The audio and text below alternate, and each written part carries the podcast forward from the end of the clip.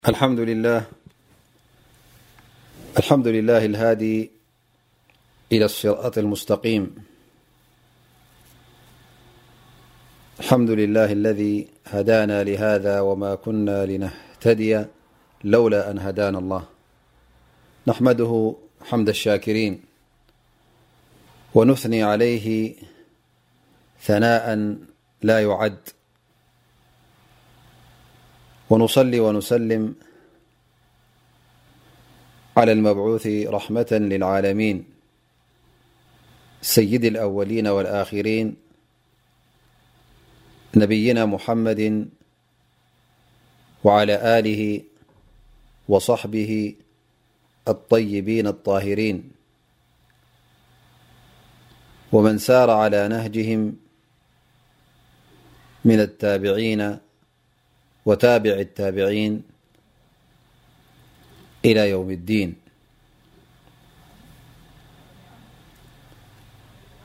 أما بعد كبرات تقاتاتلتنا زخبركن حوات ون كلخم تتقاتاتلتن السلام عليكم ورحمة الله وبركاته سمنا ودرسنا إن شاء الله تعالى لوم أحاديث مبل كلتمة ثلاثا ششت كلمثلاا شوعدة كمون إن شاء الله كلملا شمنة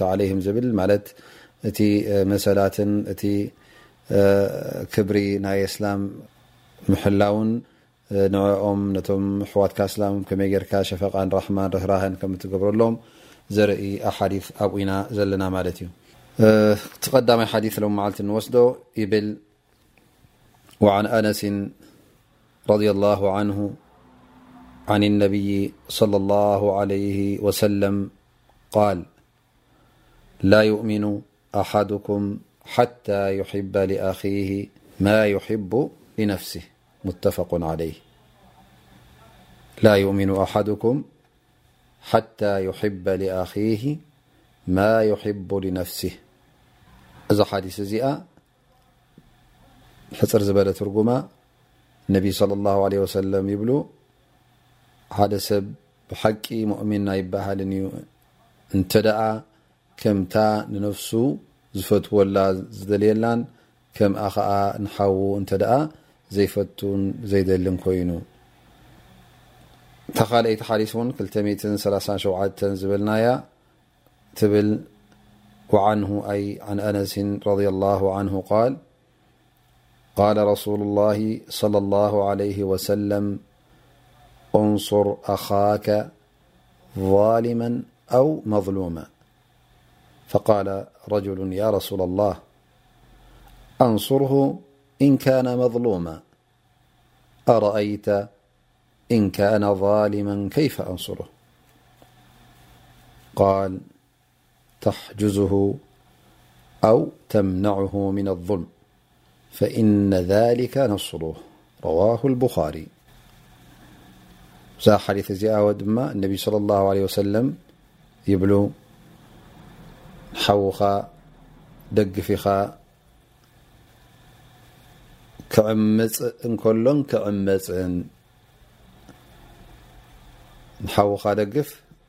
ክዕምጽን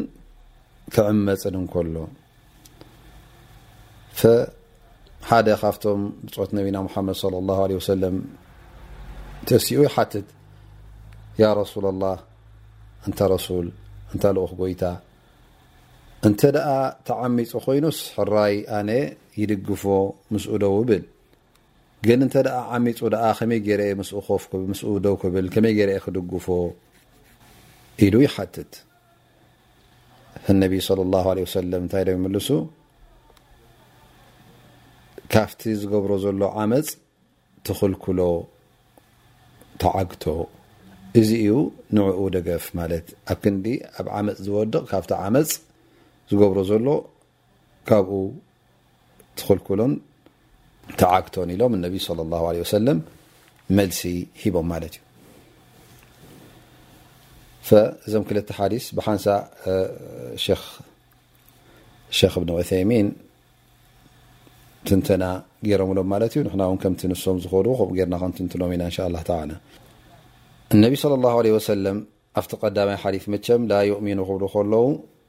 ላ ዩእሚኑ ኣሓዱኩም ማለቶም ሙሉእ ኢማን የብልካን ማለት እዩ ሙሉእ ኢማን ክህልወካ እንተ ኮይኑ ሙሉእነት ናይ ኢማን ናይ እምነት ሙሉእነት ከተርኢ እንተ ኮይንካ ልክዕ ነቲ ሓውኻ ከምቲ ነብስኻ ሰናይ ነገር እትፈትወላ ንዕኡ እውን ሰናይ ክትፈትወሉ ማለት ሰናይ ንክረክብ ፅቡቕ ንክረክብ ትፈትወሉ ማለት እዩ ከምቲ ነብስኻ ውን ክፍኣትን እከይን ሽግራትን ንኸየጓንፈካ እትደሊ ንእከይ ትጸልእ እውን ልክዕ ንሓውኻ እውን እከይ ክረኽቦ ከሎ ትጸልእ ኣለካ ማለት እዩ ሕማቕ ክረኽቦ ከሎ እውን ትጸልኣሉ ማለት እዩ እዚኡ ናብቲ እ ምሉእነት ናይ ኢማን ዘብጽሓካ ማለት እዩ እሞ ልክዕ ከምታ ንነብስኻ ትደልየላ ከምኡ ውን ነቶም ኣሕዋትካ ክትደሊ ኣለካ ማለት እዩ ከምቲ ንዓኻ ሰብ ከጥብረካን ከዕሽወካን ክቐሽሸካን ክገድዓካን ሓሶት ክዛረበካን ሓሶት ክብለካን ዘይትፈቱ መሰልካ ክግህሰልካ ዘይትፈቱ ነቶም ኣሕዋትካ ውን መሰሎም ክግሃስ ክትፈቱ የብልካን ንሶም ውን ንስኻ ይኹን ክትጥብሮም ከተዕሽዎም ወይ ካልእ ሰብ መጺኡ ክዕሽዎም ክጥብሮም ክላገጸሎም ውን ክትፈቱ የብልካን ማለት እዩ እዚ እዩ እቲ ነቢ صለ ላሁ ለ ወሰለም ላ ዩእሚኑ ኣሓዱኩም ሓታ ዩሕበ ሊኣኺሂ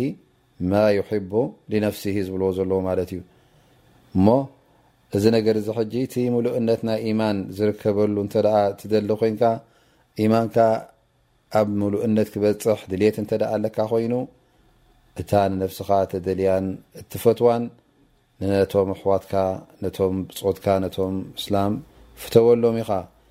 ከምቲ ንስኻ ውን ሕማቕ ንኸየጓንፈካ ሕማቕ ክጓነፈካ ከሎ ውን እቲ ሕማቕ ትጸልኦ ዘለኻ ሕማቕ ክረክብ ኣይደሊን እየ ትብል ዘለኻ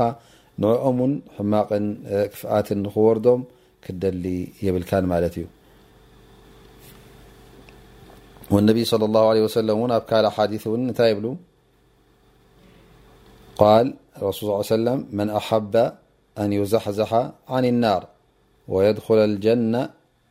فلتأته منيته وهو يؤمن بالله واليوم الآخر ويحب أن يأتي إلى الناس ما يؤتى إليه الم النبي صلى الله عليه وسلم عد سب نت دأى ካብ እሳተ ጀሃነም ክርሕቅን ካብኣ ክናገፍን እንተ ዝደሊ ኮይኑ ከምኡ ውን ንጀና ክኣቱ እንተ ዝደሊ ኮይኑ እታ ሞቱ ብኣላህ ስብሓን ወተላ እናኣመነ ከሎን ብመዓልቲ ምፅኣት ዮም ኣልቅያማ ኣራ ብኡ እናኣመነ ከሎ ክፀንሕ ኣለዎ ከምኡ ውን ንሰብ ከምቲ ንሱ ኼር ዝደልዮ እነታ ነብሱ ንሰብ እውን ኼር እናደለየ ኼር ክመጾም እናደለየ ክመውት እንከሎ እዚ እዩ ይብሉ ነቢ ስለ ላ ለ ሰለም ስለዚ እቲ መገዲ ጀና ዘእትወካ ንጀና ዘቅርበካ ናብ ጀና ዘእትወካ ካብ እሳት ጀሃነም ዘርሕቀካ ክልተ ኣሎ ማለት እዩ እቲ ሓደ መሰል ናይ ጎይታ ይኸውን ማለት እዩ ንጎይታ ከመይ ጌርካ ክትኣምነሉ ዘለካ ዘርኢ እቲ ካልኣይ ድማ ናይ ሰብ መሰላት ይኸውን ማለት እዩ እታ ሞት ክትመፀካ ከላ ሕጂ እቲ መሰል ናይ ጎይታ ብኡ እናኣመንካ ከለካ ንኡ እናምልኽካ ከለካ ብመዓልቲ ቅያማ እናኣመልካ ከለካ እናኣመንካ ከለኻ ክትመውት ከለኻ ማለት እዩ። እታ ካልኣይቲ ዕዳ ናይ ሰብ ድማ እቶም ኣሕዋትካ ልክዕ ከምቲ ንስኻ ር ክትረኽቦ ትደሊ ንሶም እውን ር ክረኽቡ ር ክፀንሖም ክትደሊ ከለኻ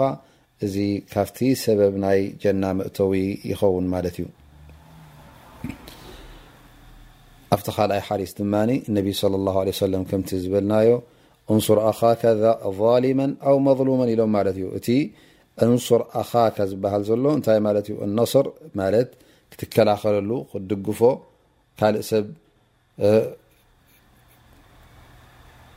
ክዕምፆ እንተ ርኢኻ፣ ካልእ ሰብ መሰሉ ክግህስ እንተ ርኢኻ፣ ዝኾነ ይኹን ነገር ዝጎድኦ ክትርኢ ከለኻ መፂካ ምስኡ ደው ኢልካ ክትከላኸለሉ ካብ ዝኾነ ዝጎድኦ ነገር ከተድሕኖ ኢልካ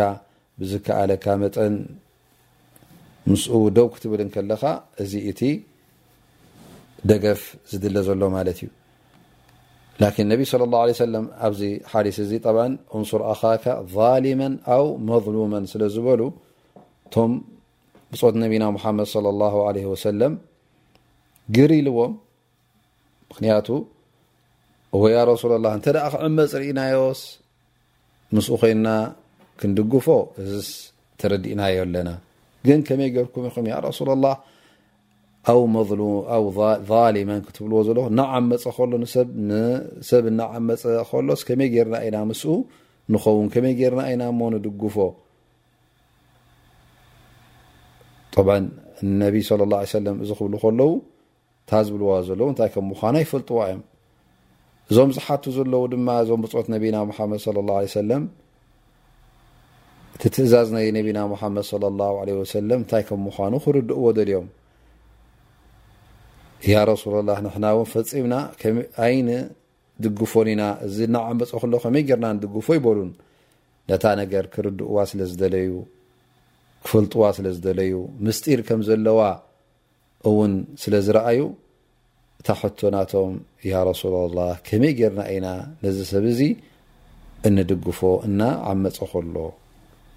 ኢሎም ክሓቱ ጀሚሮም ማለት እዩ ፈነቢይ صለ ላሁ ዓለይህ ወሰለም እንታይ ኢሎም መሊሶም ታሕጁዝሁ ኣው ተምናዕሁ ምን ኣظልም ማለት ካብቲ ዝገብሮ ዘሎ ዓመፅ ካብኡ ከልክሎ እንተ ደኣ ንሰብ ክዕምጽ ርኢኻዮ መሰል ካልኦት ክግህስ እንተ ደኣ ርኢኻዮ ጌጋ ከም ዝገብር ዘሎ ኣብርሃሉ ኢኻ ዝገብሮ ዘሎ ረቢ ከም ዘይፈትዎ ንገሮ ኢኻ ካብቲ ሓሲብዎ ዘሎ ንኸቋርጽ እውን ብዝከኣለካ መጠን ይትካእቱ ኢኻ እዚ ዩ እቲ ንዓመፀኛ ዓወት ዝበሃል ምክንያቱ እንተ ዓሚፁ እናዓመፀ ከሎ ሱቅ ኢልካ እተ ርእኻዮ ኣብቲ ዓመፁ ክቅፅል እንተ ዕድል ሂብካዮ ግን ንስኻ እንታይ ኢካ ትገብሮ ዘለካ ማለት እዩ ነዚ ሰብ እዚ ር ኣይደለካሉን ምክንያቱ ዝገብሮ ዘሎ ዓመፅ ኣብ ዘንቢ ኣብ ዓበ ዘንቢኡ ዘውድቆ ዘሎ ማለት እዩ ስለዚ ካብቲ ዝወድቆ ዘሎ ዘንቢ ካብቲ ዝገብሮ ዘሎ ጌጋ ካብኡ ክትከላኸለሉ ከለካ እንታይ ጌርካ ማለት እዩ እስኻ ነዚ ሰብ እዚ ካብ ዓዘቕቲ ናይ ዓመፅ ተውድፅኦ ኣለካ ማለት እዩ ወظልሙ ظሉማት የውም ልቅያማ ዓመፅ ንገዛ ርእሱ ነቢ ሰለላሁ ዓለይሂ ወሰለም ክጠቕስዎ ከለዉ ኣብ ዮውመል ቅያማ ድርብ ጸልማት እዩ ኢሎም ነቢ ሰለላሁ ዓለይሂ ወሰለም ሓደ ጸልማት ኣይኮነን እንታይ ደኣ ዙሉማት ተደራረበ ድርብ ዝኾነ ጸልማት ስለ ዝኾነ ካብዚ ነገር እዚ ነዚ ሓውኻ እዚ ከተውፅኦ ከለኻ ክትክልክሎን ከለኻ ዓብዪ ኼሪኻ ዓብዪ ሰናይ ኢኻ ጌርካሉ ማለት እዩ እዚኣታ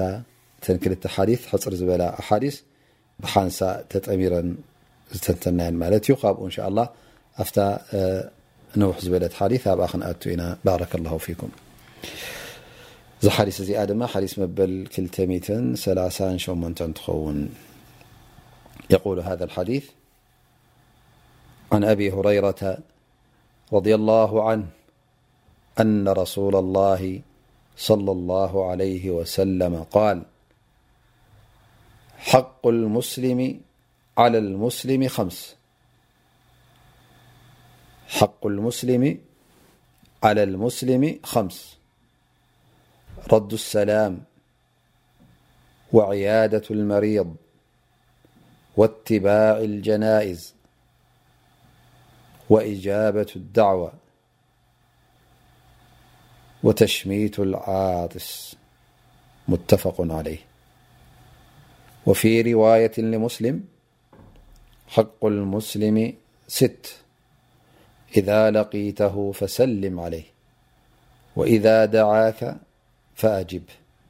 وإذا استنصحك فانصح له وإذا عطس فحمد الله فشمته وإذا مرض فعد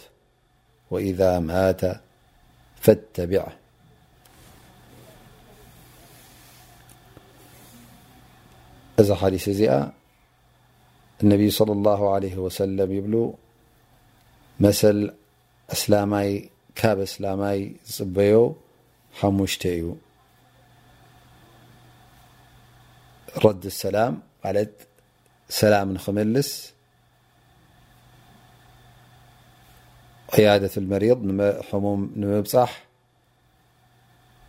ጀናዛ ምኽታል ዝዓደመካ ዕድመ ምቕባል እንጥሸው ኢሉ ኣልሓምዱላ ዝበለ ድማ ረቢ ይርሓመልካ ኢልካ ወይ ከዓ የርሓሙካ ኣላ ኢልካ ክትምልሰሉ ኣብ ካልእ ሓዲፍ ናብ ኢማም ሙስሊም ዘመሓላለፎ ሽዱሽተ ጠቂሱ ማለት እዩ ሓቅ ሙስሊም ዓለ ሙስሊም ኢ ሓቅ ሙስሊም ስታ ኢሉ ማለት እዩ ዝያዳ እንታይ ወሲኹላ ማለት እዩ እንታይ ብዝያዳ ኣለዋ እንተ ደኣ ምኽሪ ነሲሓ ጠሊቡ ካባኻስ መኸሮ ኢኻ ነሲሓ ሃቦ ኢኻ ትብል ወሲኹላ ማለት እዩ በል ተን ካልኦት ሰኔን ማለት እዩ ኢዛ ለቂተሁ ፈሰሊም ዓለይህ ወኢዛ ደዓከ ፈኣጅብሁ ተላረኽ ተራኺብኩም ሰላም በሎ ተላ ፀዊዑካ ፃውዒቱ ተቐበል ወኢዘ ዝተንሰሓካ ምኽሪ እንተ ሓቲቱካ ምኸሮ፣ እንተ እንጭሸው ኢሉ እውን ንኣላህ ስብሓን ወተዓላ ኣመስጊኑ መልሰሉ ኢኻ የርሓሙከላ ኢልካ ወኢዛ መሪዳ እንተ ሓሚሙ ድማ ትበፅሖ እንተ ሞይቱ ትኽተሎ ትብል ሓዲት ተጠቂሳ ማለት እዩ ኣብዚ ሓዲስ እዚ ክንሪኦ ከለና ነቢ صለ ላه ለ ወሰለም ኣብቲ ሓዲ ኣብ ሕረርታ ቀዳመይቲ ካብቲ መሰላት ናይ እስላማይ ነስላማይ ዝግብኦ ዩ ጠቂሱ ማለት እዩ ማለት እቲ ተጠቐሰ ንገዛእ ርእሱ ኩሉ እቲ መሰላት ኣይኮነን ግን ካብቲ መሰላት ኣገዳሲ ዝኾነ ኢሎም ነቢ ለ ላ ለ ሰለም ኣብቲ እዋን እቲ ከዘኻኽርዎም ዝደለዩ ንዕኡ ይኸውን ማለት እዩ እበር እቲ መሰላት ኣስላማይ ነስላማይ ክበሃል እንተ ኮይኑ ካብ ሽዱሽተ ወይ ካብ ሓሙሽተ ዝያዳ ክኸውን ይኽእል እዩ ስለዚ ናይ ግድን ሓሙሽተ ወይ ሽዱሽተ ክበሃል ከሎ እሰን ጥራይ ማለት ኣይኮናን ላኪን እዚአን ነቢ ስለ ላሁ ለ ሰለም ፍልይ ኣቢሎም ጠቂሶመን እዮም ኣገዳስነት ስለ ዘለዎን ኣብቲ ናይ ርክባት እስላም ኣብቲ ናይ ስኒትን ፍቅርን ዝያዳ ረብሓን ጠቕምን ዘለዎን ነገራት ስለ ዝኾና እነቢ ስለ ላሁ ለ ወሰለም ጠቂሶመን ማለት እዩ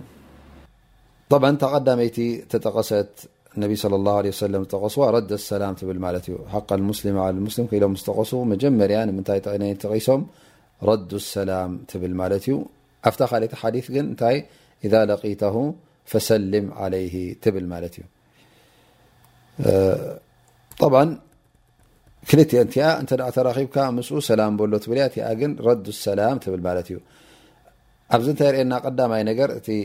ሓደ እስላማይ ንእስላማይስ መጀመርያ ሰላም ክብሎ ወይ ሰላሙ ዓለይኩም ኢሉ ክጅምሮ እዚኣ እንታይ ትኸውን ማለት እዩ ሱና ሙኣከዳ ትኸውን ማለት እዩ ስለዚ ሰላም ክትመልስ ኣለካ እታ ረደ ሰላም ክትከውን ከላ ግን ሰላም ዝበለካ ግን ሰላም ንክትመልሰሉ እዚኣ ዋጅብ ትኸውን ማለት እዩ ግዴታ ክትምልስ ኣለካ ማለት እዩ ሰላም እንተ ክትገድፎ ኮንካ ንሓደ ሰብ ንሓደ ስላማይ ሰላም እንተ ትኸልኦ ኮንካ ካብ ሰለስተ ምናልባሽ እንተ ተፃሊእካ ማለት እዩ ወይከዓ እተ ገለ ባእሲ ፅልኢ ተራኪቡ ካብ ሰለስተ መዓልቲ ዝያዳ ክሓልፍ የብሉን ማለት እዩ ፈላይ ሕሉ لሙስሊም ኣን የህጅረ ኣኻሁ ፈውቀ ثላث ከምቲ ነቢ ስ ሰለም ዝበልዎ ንስላማይ ንስላማይ ፈፂሙ ንኸቋርፆ ሰላም ንኽኸልኦ ካብ ሰለስተ መዓልቲ ክሓልፍ የብሉን ኢላ እንተ ካልእ ሰበብ ኣሎ ኮይኑ ናይ ሸሪዓዊ ሰበብ ማለት እዩ እዚ ሰብ እዚ እንተ ንሕና እቲ ምስ ሰብ ምባኣስ ዘይተርፍ እንድዩ እዚ ኣብ ሰብ ዘሎ ማለት እዩ ምስ ሓውኻ ምስ ዝኾነ ዓርክኻ ምስ ዝኾነ ስላማይ ገለ ሽግር ተረኺቡ ወይ ከዓ ገለ ዘሰሓሕብ ተረኺቡ ምናልባሽ ክትባኣስ ትኽእል ኢኻ ማለት እዩ ክትኮራረ ትኽእል ኢኻ ላኪን ነቢ ስለ ላሁ ለ ወሰለም ኣብዚ ሓዲስ እዚ ዝጠቀሱልና እንተ ከምዚ ነገር ተረኺቡ መቸም ወዲ ሰብ ካብቲ ኣላ ስብሓን ወተላ ኣብ ልቡ ዝኸለቀሉ ካብቲ ናይ ባህርያቱ ናይ ኩራ ነገር ናይ ብበኣስ ነገር ስለ ዘሎ ላኪን ነቢ ስ ሰለም እንታይ ገረምሉ ማለት እዩ ደረት ገረምሉ ካብ ሰለስተ መዓልትስ ክሓልፍ የብሉ ምናልባሽ ኣብቲ ቀዳማይ መዓልቲ ቲ ካልኣይ መዓልቲ ምናልባሽ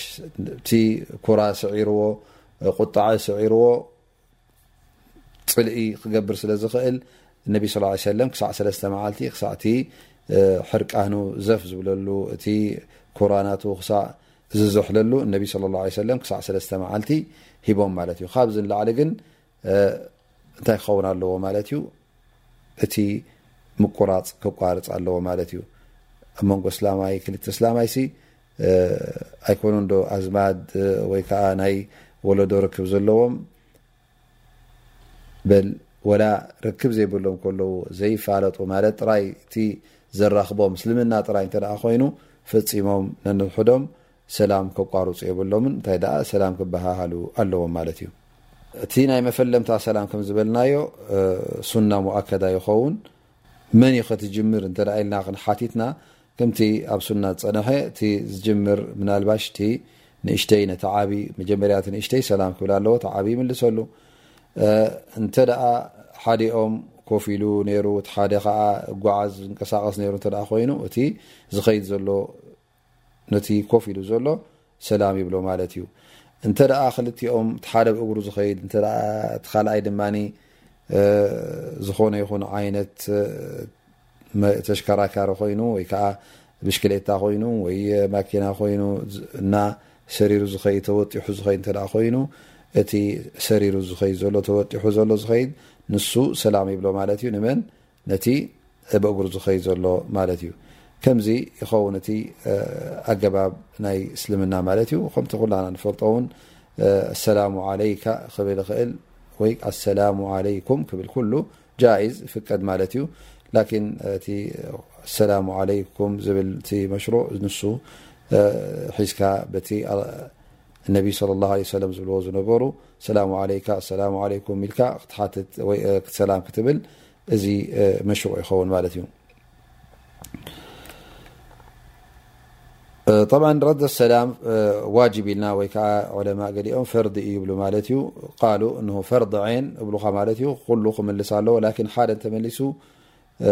እኹል ድዩ እኹን ኣይኮነን ኣብዚ ዑለማእ ነናቶም ርእይቶ ሂቦምሉ ገሊኦም እንተ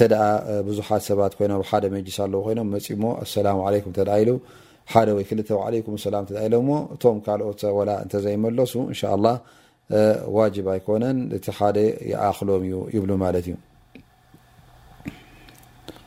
ላኪን እዚ ሰላም እዚ ሰላም ክትመልስ እንከለኻ ዓበይ ኣጅሪ ከም ዘለዎ ክትርስዕ የብልካን እከለ መሊሱ ይኣክል ኢልካ ክተቋርጽ የብልካን ሊኣኑ እታ ሰላም ንገዛእ ርእሳ ዓሰርተ ሓሰና ኣለዋ ማለት እዩ ኣብ ሰላም ዝበልካዮ ቀላል ሰላሙ ዓለይኩም ሰላም ዓለይኩም ትብ ከለኻ እንታይ ኢኻ ትእክብ ዘለኻ ማለት እዩ ሓሰናት ኣጅሪኻ ትእክብ ዘለኻ ማለት እዩ እሞ ከይተፈለጠካ ከሎ ንእግሪ መገድኻ እናተጓዓዝካ ከለኻስ ክንደይ ሓሰናት ክትረክብ ኢኻ ማለት እዩ ሰላም እንተ ኢልካ ኣብዛ ሰላም ዝበልካያ ክንዲዚ ክንህበካ ኢና ተዝብሉካ ገንዘብ እዛ ሰላም እዚኣ መገደፍካያ ነርካ ላኪን እቲ ኣጅሪ ናይ ኣላ ስብሓን ወተላ ኣቃሊልካ ስለ ዝረኣኻዮ እቲ ሰላም እውን ተቃልሎን ተውሕዶን ኣለኻ ማለት እዩ ስለዚ ነዚ ነገር እዚ ከነቃልሎ የብልናን እንታይ ደኣ እቲ ሰላም ኣብ መንጎና ክበዝሕ ኣለዎ ማለት እዩ ከምቲ ነቢ ስ ሰለ ዝበልዎ ኣፍሹ ሰላማ በይነኩም ሰላም ክበዝሕ ኣለዎ ክዝውተር ኣለዎ ኣብ ኩሉ እስላማይ ኣብ ዝረከብካዮ እስላማይ ኣብ ዝኮነ ይኹም ቦታ ሰላሙ ዓለይኩም ክትብሎ ኣለካ እሱ ድማ ዓለይኩም ሰላም ኢሉ ንክምልስ ዋጅብ ይኸውን ማለት እዩ እዚ እስላማይ ንእስላማይ ላኪን እንተ ደኣ ዘይ እስላማይ ኮይኑ ግዴታ ኣይኮነን ሰላም ኢልካ ክትጅምሮ እንታይ ደኣ እቲ ሰላም እሱ እንተ ኢሉካ ትምልሰሉ ላኪን ንዓኻ ሰላም ኢልካ ንክትጅምሮ ኣብ ሸርዒ ከም ሱና ኣይከውንን ማለት እዩ እንተ ግን ሰላም ኢሉካ ከምታ ዝበለካ ክትምልሰሉ ኣለካ ማለት እዩ ወላ ውን ካፍር ይኹን እንተ ሰላም ኢሉ ጀሚሩካ ሰላም ክትመልሰሉ ኣለካ ሰላሙ ዓለይኩም እተ ኢሉካ ኣሰላሙ ዓለይኩም ሰላም ትብሎ ኣህለን ወሳህለን ኣህለን ወመርሓበን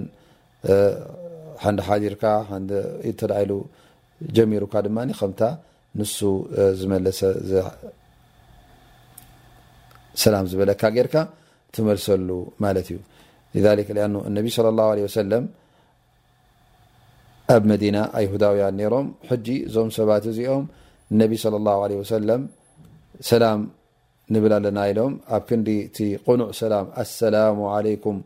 ኢሎም ሰላም ዝብሉ እንታይ ይብሉ ነይሮም ማለት እዩ ኣሳሞ ዓለይኩም ሕጂ እቲ ዝሰምዕ ካብ ርሑቕ ሰላም ዝበሉ እዩ ዝመስሎ እሶም ግን እንታይ እዮም ዝብሉ ነይሮም ኣሳሞ ዓለይኩም እሳም ማለት ሞት ንዓኹም ማለት እዩ ሞት ንዓኹም ኢሎም ሰላም እብ ነይሮም እሞ እንተ ከምዚ ገይሮም ሕማቕ ዘረባ ዘውፅኡ እንተ ኮይኖም ወይ ከዓ ከምኡ ኣጠራጣሪ ዘረባ እተ ኢሎም እንታይ ልካ ክትምልሰሎም ኣለካ ማለት እዩ ዓለይኩም ትብሎም ንዓኹም ውን እተ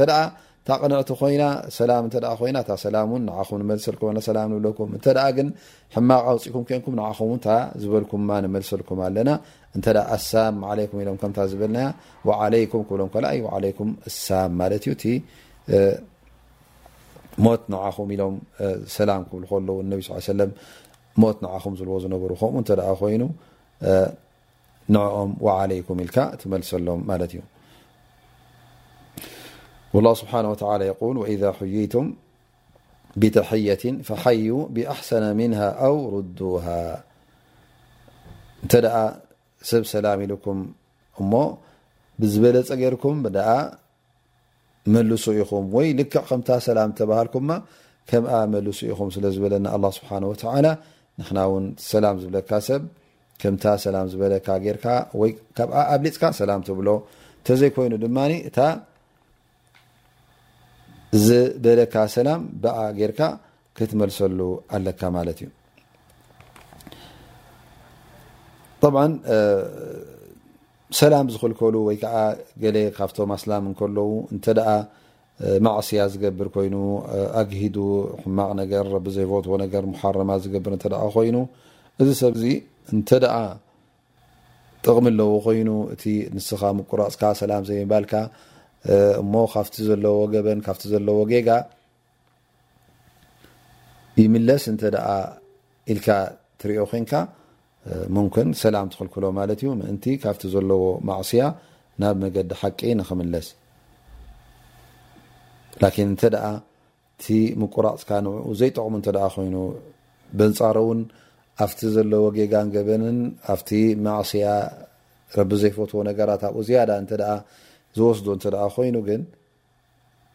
እዚ ምቁራጽ እዚ ክህሉ የብሉን። እንታይ ደኣ ሰላም ክትብሎ ኣለካ። ምናልባሽ በቲ እስኻ ትገብረሉ ዘለኻ ኼር በቲ ናትካ ርክባት እውን ናብ ልቡን ናብ ኼር ይምለስ ይኸውን ማለት እዩ።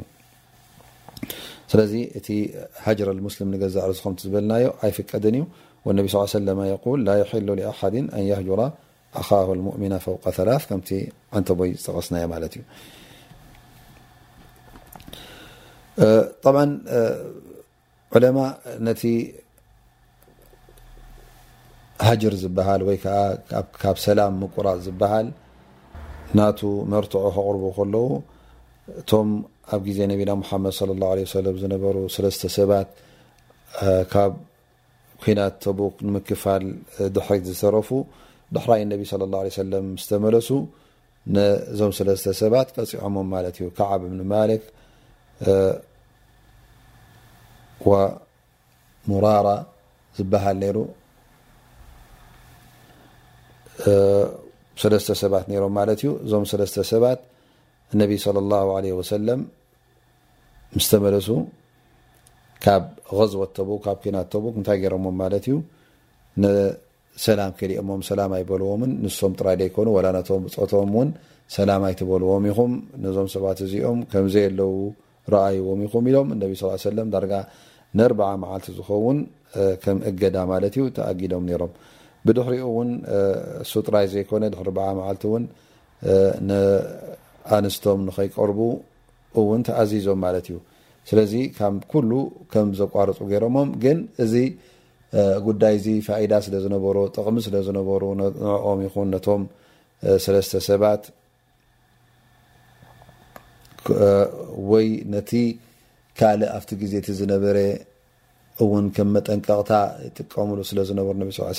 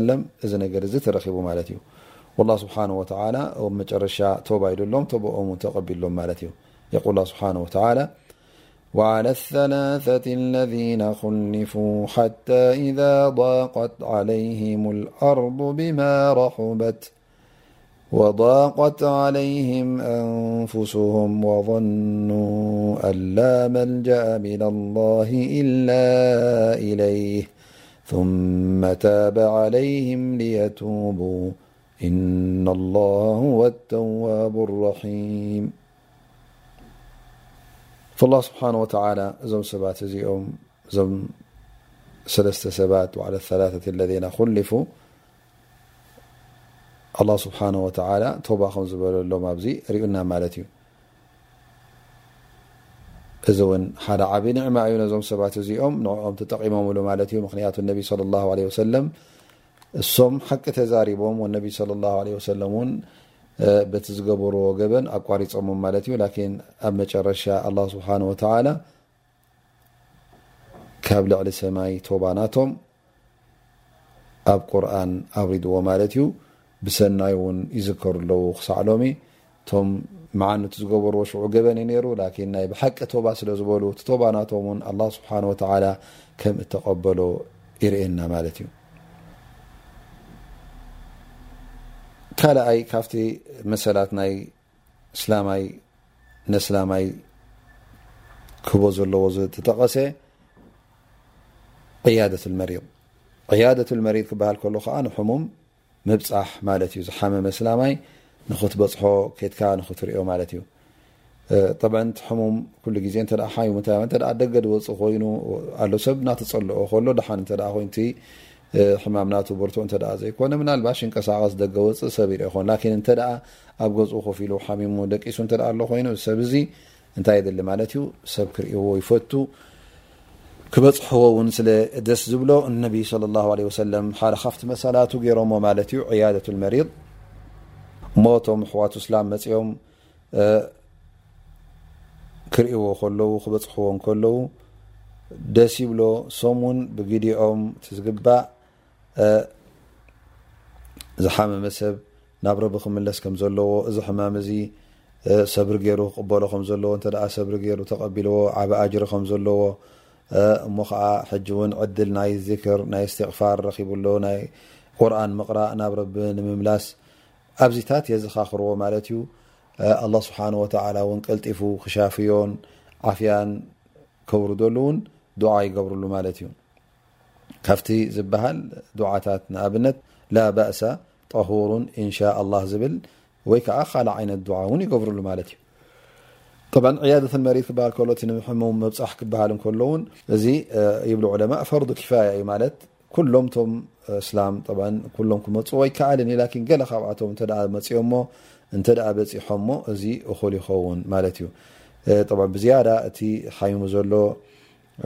ጎረቤት ሓሚሙ ዘሎ ወይ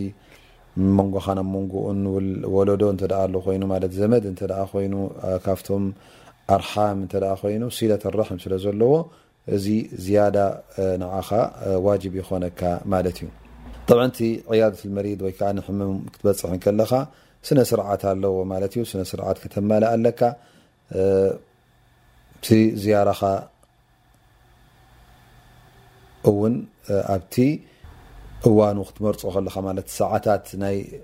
ምብፃሕ መሪፅካ ክትከይድ ኣለካ ማለት እዩ ኣብ እዋን ድቃስ ኣብ እዋን ዕረፍቲ ክኸውን የብሉን ማለት እዩ ብዙሕ እውን ምናልባሽ ሕቶ ክተብዝሓሉ የብልካን እንታይ ይበልዕ እንታይ ሰቲ ከመይ ገይሩ ድቅስ እንታይ ትገብርካ ምናልባሽ ግን ከምኡ ዕላል ፈቱ እንተ ኮይኑ ፅቡቕ ክተዕልሉ ኣለካ ዕላል ዘል እንተ ኮይኑ ምክንያቱ ኣለው ሕሙም ኩሉ ሓደ ኣይኮነን ኣለው ሕሙማት ፈፂሞም ዘረባ ገለ ደይፈትዉ ፀረባ ዓቕሎም ደፅበሎም ኣብዚ ሕጂ ዘረባ ከተውሕድ ኣለካ ማለት እዩ ድዓ ትገብረሉ ላኪን ኣለው ድማ እንተ መፂካዮም ክተዕልሎም ትፈትዉ ዘረባ ክሰምዑ ደልዩ ካብቲ ሕማሞም እውን ዝረስዖም ዘረባታት ውን ይፈትዉ ማለት እዩ እዚ ከም ዝኣመሰ እንተ ኮይኑ ክተዕልሎ ኣለካ ማለት እዩ ኮፍ ክተንውሕ ውን የብልካ እንተ ግን ንሱ ምስ ኮፍ ክትብል ከተንውሕ እተ ደሊ ኮይኑ ሕጎስ ብኡ እተ ኮይኑ ምስ ኮፍ ትብል ኣለካ ማለት እዩ ስለዚ እንታይ እዩ እቲ ናይቲ ሕሙም ኩነታት ክትርኢ ኣለካ ማለት እዩ ንኡ ደስ ዝብልን ንኡ ዘሐጉስን ምስቲ ሕማሙ ዘይገራጮ ነገራት ምስኡ ክትገብር ኣለካ ኣብቲ ዝያዳ ክትገብር ከለካ ማለት እዩ እንተ ትፈልጦ ፈውሲ ኣለካ ኮይኑ ውን ክትሕብሮ ኣለካ እቲ ሕማሙ ምስ ነገረካ ከምዚ ከምዚ ይፅላል ዘዚ እሞ ትፈልጦ ፈውሲ እንተ ኣሎ ኮይኑ እባ እዚ ከምዚ እዚኣ እዚኣስ ፈውሲ ኣላታ ኢልካ ምኽሪ ትቦ ማለት እዩ እንተ ናይ ብሓቂ ትፈልጣ ኮንካ ኣ እቲ ምፍዋስ ንገዛእ ርእሱ ሱና ማለት እዩ እተ ይጠቅም እዩ ኢልካ ተኣምነሉ ነገር እተ ኮይኑ ነቢ ስ ሰለ የል ተዳወው ዕባድ ላ ተዳወው ወላ ተዳወው ብሓራም ተፈወሱ ኢኹም ኢሎም ነቢ ስ ሰለም ግን ብሓራም ዝኾነ ነገር ክትፍወሱ የብልኩምን ኢሎም ነቢ ስ ሰለም እንተ እስኻ ዝስብ እዚ እውን ፍልጠቱ በቲ ናይ ዲን ቀሊል ወይ ከዓ ውሑድ ከም ምኳኑ ፈኪስ ከም ምኳኑ እተ ትፈልጥ ኮንካ ትርዳእ እተ ኮይንካ እቲ ኣገባብ ናይ ጠሃራ፣ ሕሙም ሰብ ከመይ ገይሩ ጠሃራ ከም ዝገብር፣ እንተ ማይ ዘየለ ተየሙም ክገብር ከም ዝኽእል፣ እቲ ኣገባብ ናይ ተየሙም ከመይ ከም ምዃኑ ትነግሮ ማለት እዩ። ሰላት እውን ከመይ ገይሩ ከም ዝሰግድ፣ ብጎቦ ኮይኑ ድዩ ወይ ከዓ ኮፍ ኢሉ ድዩ፣ ከመይ ገይሩ ከም ዝሰግድ፣ ከመይ ከም ዝከኣሎ ተርእዮ ማለት እዩ። ከምኡ እውን እንተ ዘሸግሮ ኮይኑ ክልተ ሰላት ብሓንሳእ ክሰግደን ከም ዝኽእል ትነግሮ ማለት እዩ ክሰግደ እንከሎ ግን ጠበን ሕሙም እንተ ክሰግድ ኮይኑ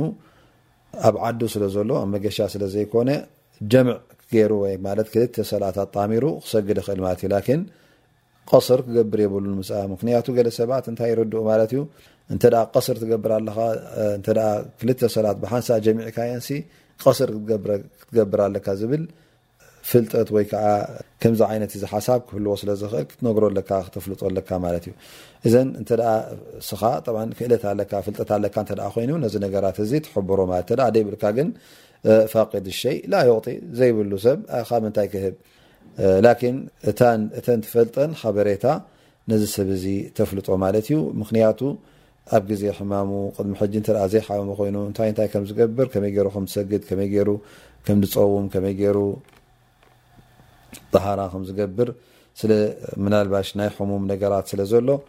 ትፈልጦ እንተ ኣለካ ኮይኑ ክትሕብሮ ኣለካ ማለት እዩ እዚ ካብቲ ኣድላይ ዝኾነ ዋጅባት ይኸውን ማለት እዩ ኣስላማይ ንሓዉ ኣስላማይ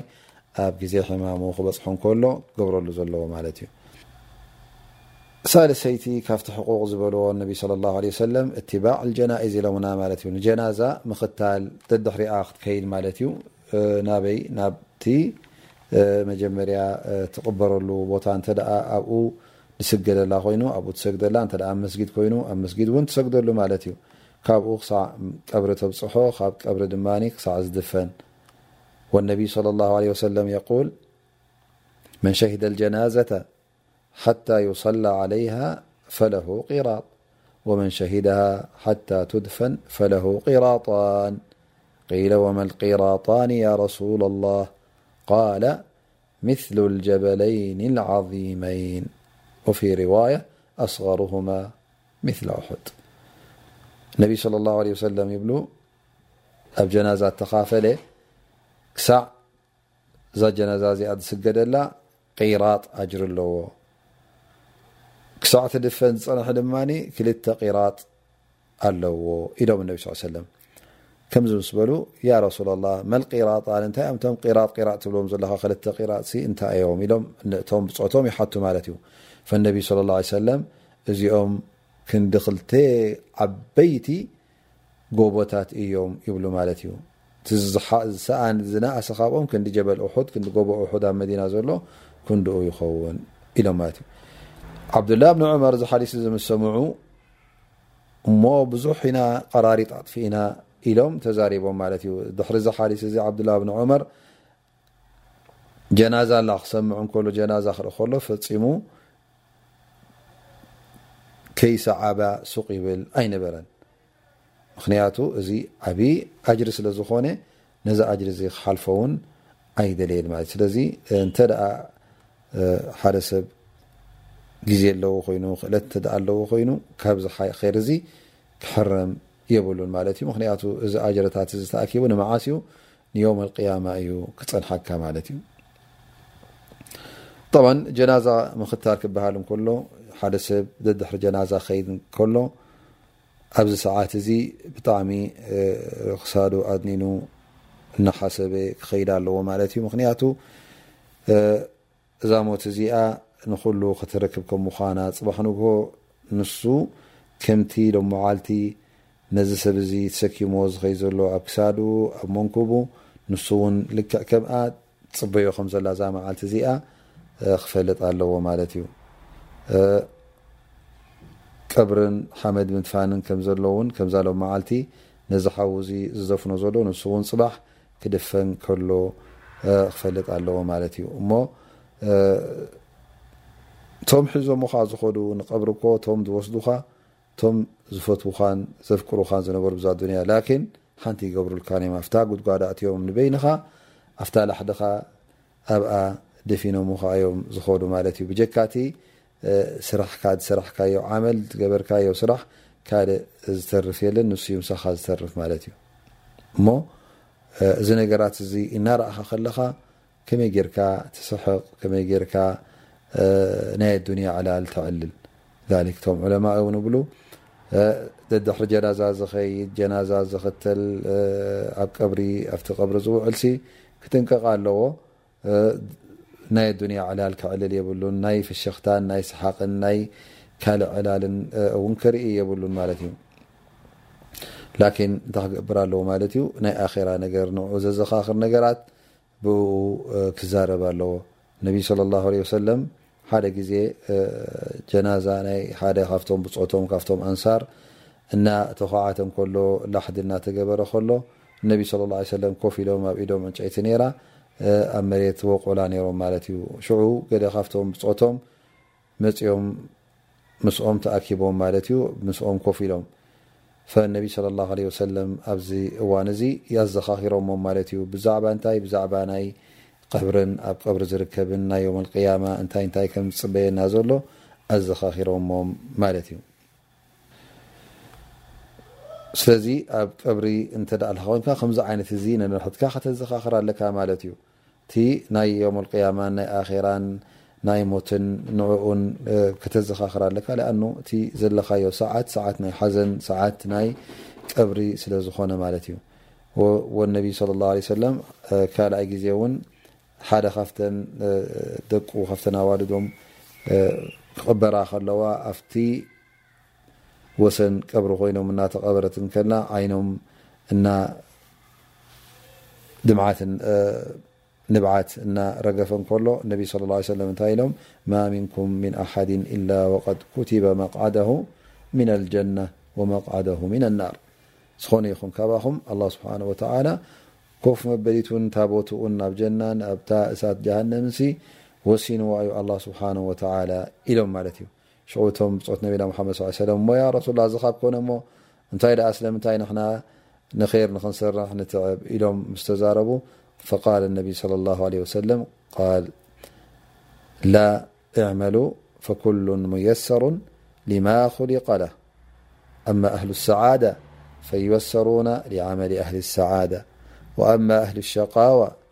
فيوسرون لعمل أهل الشقاوى ثم قرأ النبي صلى الله عليه وسلم فأما من أعطى واتقى وصدق بالحسنى فسنيسره لليسرى وأما من بخل واستغنى وكذب بالحسنى فسنيسره للعسرى النبي صلى الله عليه سلم بزحلسزي م ያ ረሱለላህ እቲ ቦታና ኣብ ጀና ይኹን ኣብ ጀሃነብ ይኹን ካብ ተኸተበስ እሞ እንታይ ኢልና ደኣ ንሕና ሕጂ ዒባዳ ንገብር እንታይ ኢልና ደኣ ዓመል ሳልሕ ሰናይ ተግባራት ንኽንፍጽም ንጓየ ኢሎም ተዛሪቦም ማለት እዩ ፈነቢ ስ ሰለም ኢሎም ኣይፋልኩምን እዚ ንገዛእ ርእሱ ተወኩል ኣይበሃልን እዩ እንታይ ደኣ ኩሉኹምሲ ንኼር ስርሑ፣ ኣላህ ስብሓነሁ ወተዓላ ድማ እንተ ደኣ ሰብ ኼር ኮይንኩም ናብቲ ኼር ክውጅሃኩም እዩ። እቶም ሰብ ፍስሃ፣ ናይ ፍስሃ፣ ዝኾኑ ሰባት ኣላህ ስብሓነሁ ወተዓላ ናብ ኼር፣ ናብ ሰናይ፣ ክወስዶም እዩ እቶም ቅርሱሳት ዝኾኑ ከዓ ናብቲ መገዲ ቅርሱሳት ክወስዶም እዩ ኢሎም ነቢ ስ ሰለም ጠቂሶም ሽዑ እታ ኣያ ፈኣማ መን ኣዕጣ ወተቃ ወሰደቃ ብልሑስና ፈሰኑ የሲሩ ልዩስራ ኢሎም ማለት ኣላ ስብሓን ወተላ ይብል እቲ ዝሃበን ሰደቃ ኮይኑ ዘካት ኮይኑ ረቢ ዝፈትዎ ነገር ካብ ገንዘቡ ዝሃበ ማለት እዩ ወተቃ ፍርሃት ረቢ ዝርኣየ በቲ ር ዝኾነ በቲ ጀና ድማ ዝኣመነ ኣላ ስብሓን ወተላ ይብል ናፍቲ ናይ ር ነገር ከነቃልለሉ ኢና ናብኡ ክንወስዶ ኢና ግን እቲ ዝበቐቀ ሰደቃ ይኹን ር ይኹን ሰናይ ነገር ድኻ ንዝሰኣነ ምሃብ ዝኣበየን እሞ ካብ ኼር ኣነስ እኹል ኣለኒ ኣነ ዘድልየኒ የብለይን ኢሉ ተዛሪቡ ነቲ ሓቂ ዝነጸገ ኣላህ ስብሓነሁ ወተዓላ ፈሰኑየሲረሁ ሊልዑስራ ኢሉ ማለት እዩ ናብ እከይ ድማ ነዚ ሰብ እዚ ናብቲ ሕማቕ ነገር ናብኡ እውን ክንወስዶ ኢና ኢሎ ኣላህ ስብሓነሁ ወተዓላ ሽዑ እንተ እዚ ሰብ እዚ ኣብቲ ቦታ ቀብሪ እንተ ኣሎ ኮይኑ እንተ ክኢሉ ምስቶም ዝደፍኑ ዘለዉ ክሳዕ መጨረሻ ክጸንሕ ጽቡቕ፣ እንተዘየሎ ሰለስተ ሓመድ ብኢዱ ሰለስተ እዋን ናብቲ ቀብሪ ይድርቢ ማለት እዩ። ሓመድ ሰለስተ እዋን ብኢዱ ገይሩ ይድርቢ፣ እዚ ኣብቲ ቀብሪ ከም እተኻፈለ እኹል ይኾነሉ ማለት እዩ። እንተ ካብቶም ዓልም ኮይኑ ወይ ከዓ ዝስማዕ ዘረባ እንተ ኣለዎ ኮይኑ ከምቲ ነቢ ስለ ሰለም ዝበሎ እስተግፊሩ ሊኣኺኩም ወስኣሉ ለሁ ኣተስቢት ይብሎም ማለት እዩ ምስ ተደፈነ ማለት እዩ ንሀልኩም ሕጂ እዚ ሓውኹም እዚ ኣብ ናይ ሕቶ እዋን ስለ ዝኾነ ምሕረት ሕተትሉ ኣላ ስብሓን ወተዓላ ድማ ናብታ ሓቂ ቀጥ ንኸብሎ ዱዓ ግበሩሉ ኢሎም ነቢ ስ ሰለም ተዛሪቦም ከምኡ ኢልካ እውን ንሰብ ትነግር ማለት እዩ እንተ ዘረባኻ ዝስማዕ ኮይኑ ማለት እዩ ኣብቲ ዘለኻዮ ቦታን ኣብቲ ዘለኻዮ ህብረተሰብ ጠብዓን እዚ ሰብ እዚ ድሕሪኡ እታ ናይ ምድፋን ምስ ኮነት ብድሕሪኡ ንገዝኡ ይምለስ ማለት እዩ እዚኣ እታ ካብ እስላማይ ትድለ ማለት እዩ እታ መሰል ናይ እስላማይ ሓውካ እውን ጌርካሉ ማለት እዩ ተሰኪምካ ኣብፅሕካዮ ክሳዕ ዝቕበር ፀኒሕካ ተቐቢሩ ካላስ ብድሕሪኡ ግን ዱዓ ተገበርካሉ ፅቡቕ ማለት እዩ ላኪን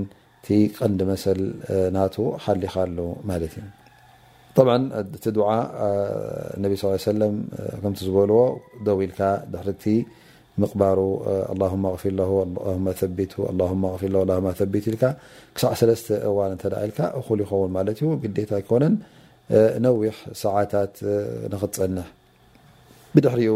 ትኸይድ ማለት እዩ እቶም እቲ ምዉት እውን ክትከይድ ከለኻ ከምቲ ነቢ ስ ሰለም ዝበልዎ ቀርዓ ኒዓል ደርበ ኒዓል ማለት እቲ ሰብ ክኸይድ ከም ዘሎ ይፍለጦ ማለት እዩ ብድሕሪኡ እቲ መለክ መፂኡ እውን ንዕኡ ይሓቶ ማለት እዩ ካፍቲ ሕቁቅ ወይ ከዓ መሰላት ናይ እስላማይ ሓውኻ ድማ ራብዓይ ናብኡ ንኣቱ እጃበት ዳዕዋ እጃበት ዳዕዋ ክበሃል እንከሎ ኣይ ናይ ዳዕዋ እዩ እቲ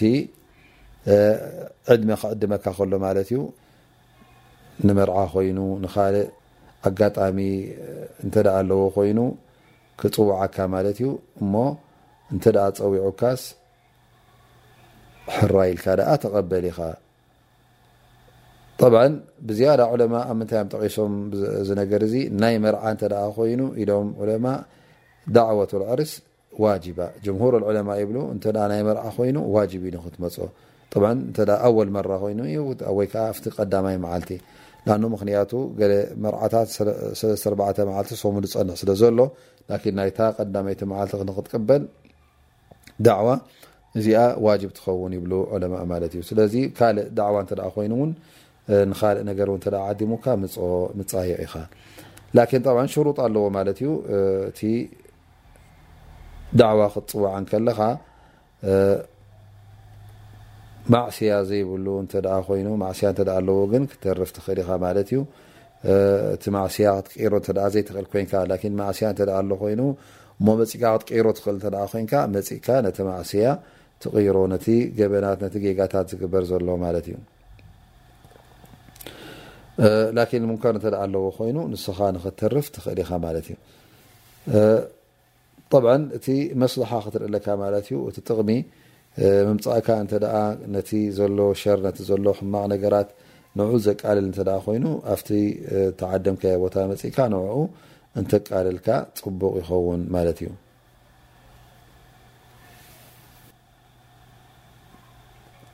ይብ እንተ እቲ ዘለዎ እቲ ትፀውዕካዮ ዘለካ ቦታ ሙንከር ከም ዘለዎ እተ ትፈልጥ ኮንካ እሞ መጺካ እውን ክትቅይር ዘይትኽእል እንተ ኮይንካ ኣብዚ ቦታ እዚ ወይ ከዓ ኣብዚ ተፀዊዕካዮ ዘለኻ ንክትካፈል ዋጅብ ኣይኮነን ክትተርፍ ብልበንፃሩ ክትተርፍ ኣለካ ማለት እዩ ጠብ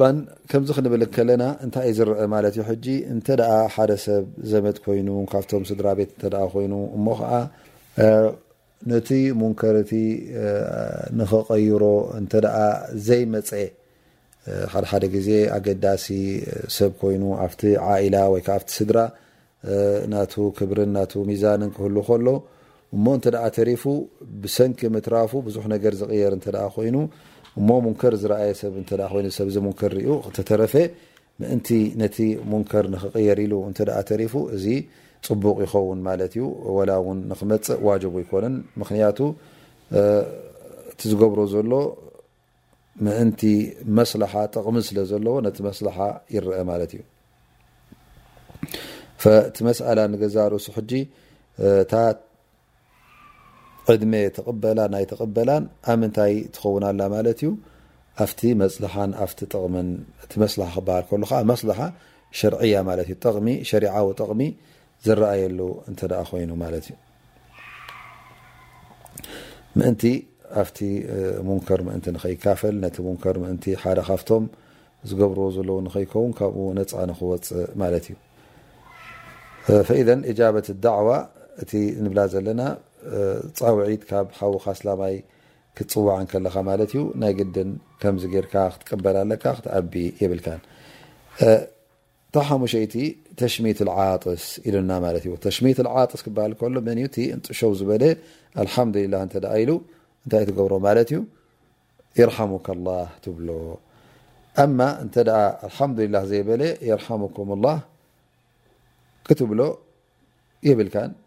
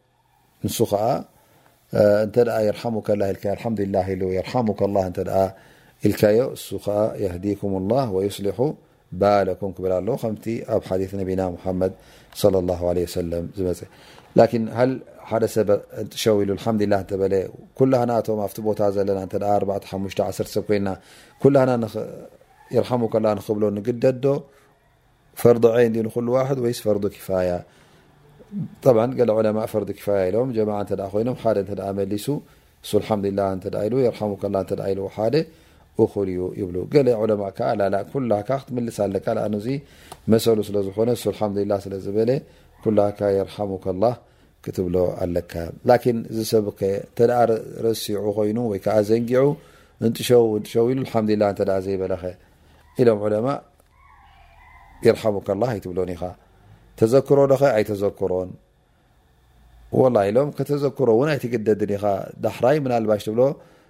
እንጥሸው ዝተደኣኢልካስ ኣልሓምዱላ ክትብል ኣለካ ኣኑ ዚ ከምዚ ከምዚ ኢልካ ትብ ላኪን ገለ ሰባት እንታይ ገብሩ ሕጂ እንጥሸው ብል ሓደ ኣልሓምዱላ ከይበለ ከሎ ይርሓሙ ከላ ብሎ እተ ይርሓሙ ከላ ኢልካዮ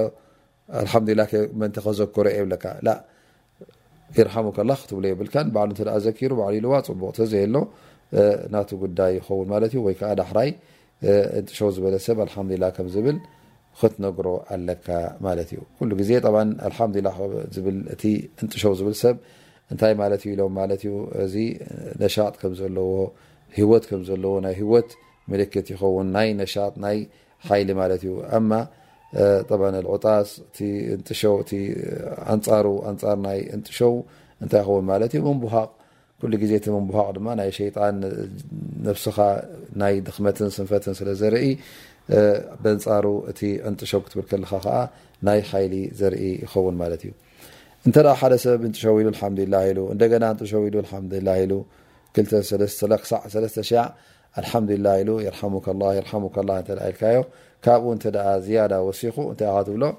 ዓፋከላህ ኢነካ መዝኩም ረቢ ሻፊኻ ጉንፋዕ ይሒዙካ ዘሎ ትብሎ ማለት እዩ ምክንያቱ ዙካም ዘለዎ ሰብ ምስ ኮፍ ኢልካ ኮፍ ኢልካ ከለካ ኣብ ፍርቂ ሰዓት ምናልባሽ 34 እዋን እንጥሸው ክብል እዩ ማለት እዩ ስለዚ ሓንሳ ክልተ ሻዕ ክሳዕ ሰለስተ ሻዕ የርሓሙ ከላ ይበሃል ማለት እዩ ሓምዱላ እተ ኢሉ ካብኡ ንላዕሊ ግን ዓፋ ከላ ትብሎ ድዓ ትገብረሉ ረቢ ክሻፍዮ ሓሚሙ ከም ዘሎ እውን ትነግሮ ዓይእነካ መዝኩም ትብሎ ማለት ብድሕሪ ሕጂ ኣይድልን እዩ የርሓሙ ከላ ክብለካ ምክንያቱ ንስኻ